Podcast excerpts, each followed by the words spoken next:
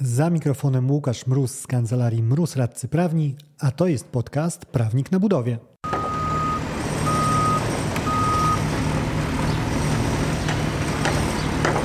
Ten odcinek to fragment webinaru poświęconego klauzulom waloryzacyjnym. Webinaru, w trakcie którego omówiliśmy dwa główne wątki.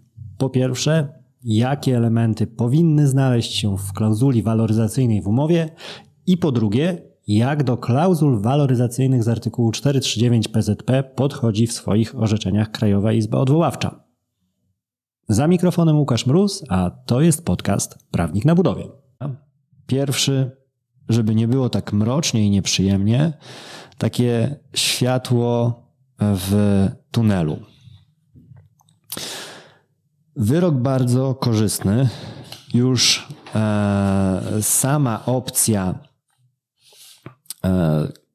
wyroku, usłyszenia takiego wyroku na sali, e, rozstrzygnięcie było tak. Uwzględnia odwołanie w zakresie naruszenia artykułu 439 i nakazuje zamawiającemu obniżenie poziomu średniej arytmetycznej ogłaszanych przez Główny Urząd Statystyczny miesięcznych wskaźników cen towarów i usług konsumpcyjnych uprawniającej strony do żądania zmiany wynagrodzenia oraz do podwyższenia maksymalnej wartości zmiany wynagrodzenia wykonawcy w takim zakresie, który pozwoli na zachowanie ekwiwalentności świadczeń obu stron.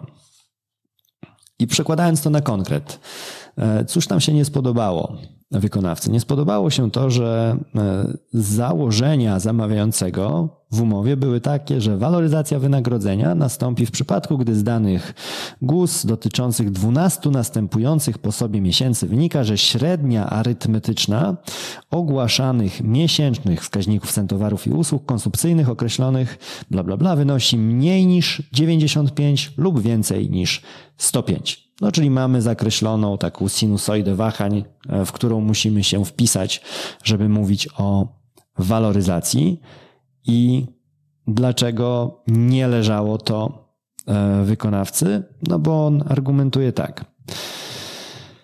Takie uwarunkowanie zasad waloryzacji wynagrodzenia nie pozwala na zapewnienie ekwiwalentności świadczeń stron oraz nie niweluje ryzyk związanych z późniejszą zmianą kosztów wykonywania zamówienia publicznego, gdyż przy aktualnym poziomie inflacji, jak również zważywszy na poziom marży dla kontraktów utrzymaniowych, bo to utrzymaniówka była, zmiana średniej arytmetycznej o wartość wynoszącą nawet 0,5 w bardzo istotny sposób przekłada się na utrzymanie rentowności wykonania umowy. Innymi słowy, wykonawca broni tezy, że biorąc pod uwagę realia naszej branży, to ten poziom wahań, który wskazaliście, no to my operujemy na tak wąskim marginesie, że przejedziemy się na nim okropnie boleśnie. I jeszcze jednej rzeczy, nawet nie jednej, ale o jednej jeszcze chcę powiedzieć, której przyczepił się wykonawca, to jest maksymalna zmiana wysokości wynagrodzenia, którą zamawiający ustalił na 15% wartości wynagrodzenia łącznego. No to umówmy się, nie jest to na polskie realia zamówieniowe, taka znowu mikrokwota, ale w ocenie wykonawcy, jak on to ujmuje, z uwagi na okres realizacji zamówienia wynoszący około 3,5 roku jest wysoce prawdopodobne, że wzrost cen materiałów lub kosztów związanych z wykonaniem zamówienia przekroczy 15%, na przykład już po dwóch latach obowiązywania, co przy utrzymaniu ograniczenia pozbawiałoby wykonawcę prawa do waloryzacji w trzecim lub czwartym roku. Czyli wykonawca robi to w tym przypadku, co próbują cyklicznie co jakiś czas robić kolejni wykonawca, czyli bije tak naprawdę w ekonomiczną zasadność tej klauzuli, w jej wartość. Bo formalnie to tam wszystkie te elementy z 439 się znalazły. Ale jak się przypuści to przez maszynkę rzeczywistości, to elementy się znalazły, ale pieniądze już niekoniecznie się znajdą. Z ciekawości, jeżeli ktoś jest zainteresowany, to jak chciał zmieniać to wykonawca, no to żeby te, jeżeli chodzi o e, te średnie wskaźników, to było, schodzimy z e, pułapu 95 do 105 na 99 do 101, a wzrost wynagrodzenia leci dwukrotnie w górę, na 30% maksymalnie. No to Znowu, wcale nie mały poziom. Znaleźć nagle 30% do, e, do płacenia. I zaczynamy rzeczy przyjemne dla wykonawców. Czyli po kolei, punkt po punkcie, to co odnotowałem na slajdzie, mamy podkreślony cel klauzuli waloryzacyjnej. Tym celem jest zachowanie równowagi stron przy zmianie siły nabywczej pieniądza. I to jest rzecz, która mi leży bardzo, z którą zgadzam się bardzo i której daleko od tej roli, w którą tak naprawdę Kios chyba nieszczególnie intencjonalnie, ale w praktyce wpisuje klauzulę waloryzacyjną, czyli że to jest de facto jeszcze jedno jakieś tam narzędzie pomocne w szacowaniu ryzyk. Czyli ty, drogi e, wykonawco, widzisz, ile maks ci dopłaci zamawiający, więc całą resztę uwzględni w ofercie. Na ile to jest realne, no to wszyscy wiemy. Ale co pisze przyjemnego Izba? Jak trafnie wskazuje się w doktrynie, stosowanie klauzul waloryzacyjnych w umowie w sprawie zamówienia publicznego pozwala na zachowanie równowagi ekonomicznej stron umowy w stosunku do stanu na dzień złożenia oferty przez wykonawcę, minimalizując ryzyko pokrzywdzenia obu stron umowy na skutek zmiany siły nabywczej pieniądza w okresie realizacji zamówienia. Klauzule te zapewniają bowiem konieczną elastyczność w kształtowaniu kosztów związanych z realizacją zamówienia w dłuższym okresie, umożliwiając jednocześnie bieżące dostosowanie stosunku zobowiązaniowego łączącego zamawiającego z wykonawcą. Znowu, podpisuję się w pełni, czyli celem tej klauzuli nie jest, żeby ona sobie po prostu była, ale żeby była po to i zapewniała ten cel w postaci wyważenia tych interesów i płynięcia, powiedzmy, przez strony kontraktu na względnie tożsamym poziomie.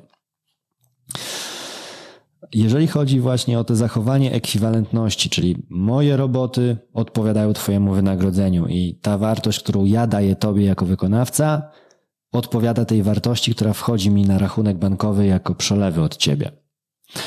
Biorąc pod uwagę, że za kształtowanie postanowień tych umów, czyli umów zamówieniowych, odpowiedzialny jest zamawiający, który ma obowiązek przestrzegać zasadę proporcjonalności, uzasadniony jest wniosek, że do natury stosunku zobowiązaniowego zawieranego w wyniku przeprowadzenia postępowania o udzielenie zamówienia publicznego należy zachowanie ekwiwalentności świadczeń na poziomie zbliżonym do ustalonego w, w wyniku wyboru najkorzystniejszej oferty. No to też słowa mocne, słowa korzystne bardzo dla wykonawców. Takie przepychanie, powiedzmy, modelu sztywnej marży. Czyli jeżeli umówiliśmy się na jakiś poziom proporcji tego, co robię ja jako wykonawca, czyli robot, do tego, co robisz ty jako zamawiający, czyli do zapłaty, to tutaj Izba podkreśla wręcz, że to nawet nie jest jakaś tam dobra wola czy, czy profesjonalizm, to jest obowiązek zamawiającego, żeby dowieść tą proporcjonalność na tym samym względnym poziomie do szczęśliwego końca projektu. Jeżeli dla tego dowiezienia potrzebna jest dopłata, to też klauzule waloryzacyjne powinny być ułożone w taki sposób, żeby ta dopłata cel swój zapełni, zapewniła. To wręcz no, wskazuje Izba, że to jest natura, istota sama samej e, umowy zamówieniowej. I kiedy, kiedy można stwierdzić, że klauzula waloryzacyjna jest prawidłowa? Kiedy jest adekwatna do sytuacji rynkowej. I znowu, jak w słowa ubiera to Izba. Skoro prawidłowo skonstruowana klauzula waloryzacyjna powinna służyć równomiernemu rozłożeniu ryzyka kontraktowego i być adekwatna do aktualnej sytuacji rynkowej, należy uznać, że zamawiający zarówno za wysoko określił próg zmiany wskaźnika inflacji warunkującego uprawnienie do waloryzacji, jak i zbyt nisko określił maksymalną granicę zmiany wynagrodzenia wykonawcy. Innymi słowy, wykonawco, ty mnie, mnie Izbę przekonałeś do tego, że rzeczywiście realia Twojego rynku są takie, że ta marżowość to jest na poziomie, na jak, jest na jakim jest. Te wzrosty które wskazał zamawiający jako próg wejścia w waloryzację, no to są na takim poziomie, że to cię zje, przeżuje i wypluje. Dodatkowo, no, dynamika zmian pokazuje, że te 15% to wcale nie zabezpieczy tej równości, bo to może być przejedzone już e, zdecydowanie szybciej niż te 3,5 roku, na które zawieracie umowę. No to faktycznie tutaj nie ma tej ekwiwalentności zabezpieczonej.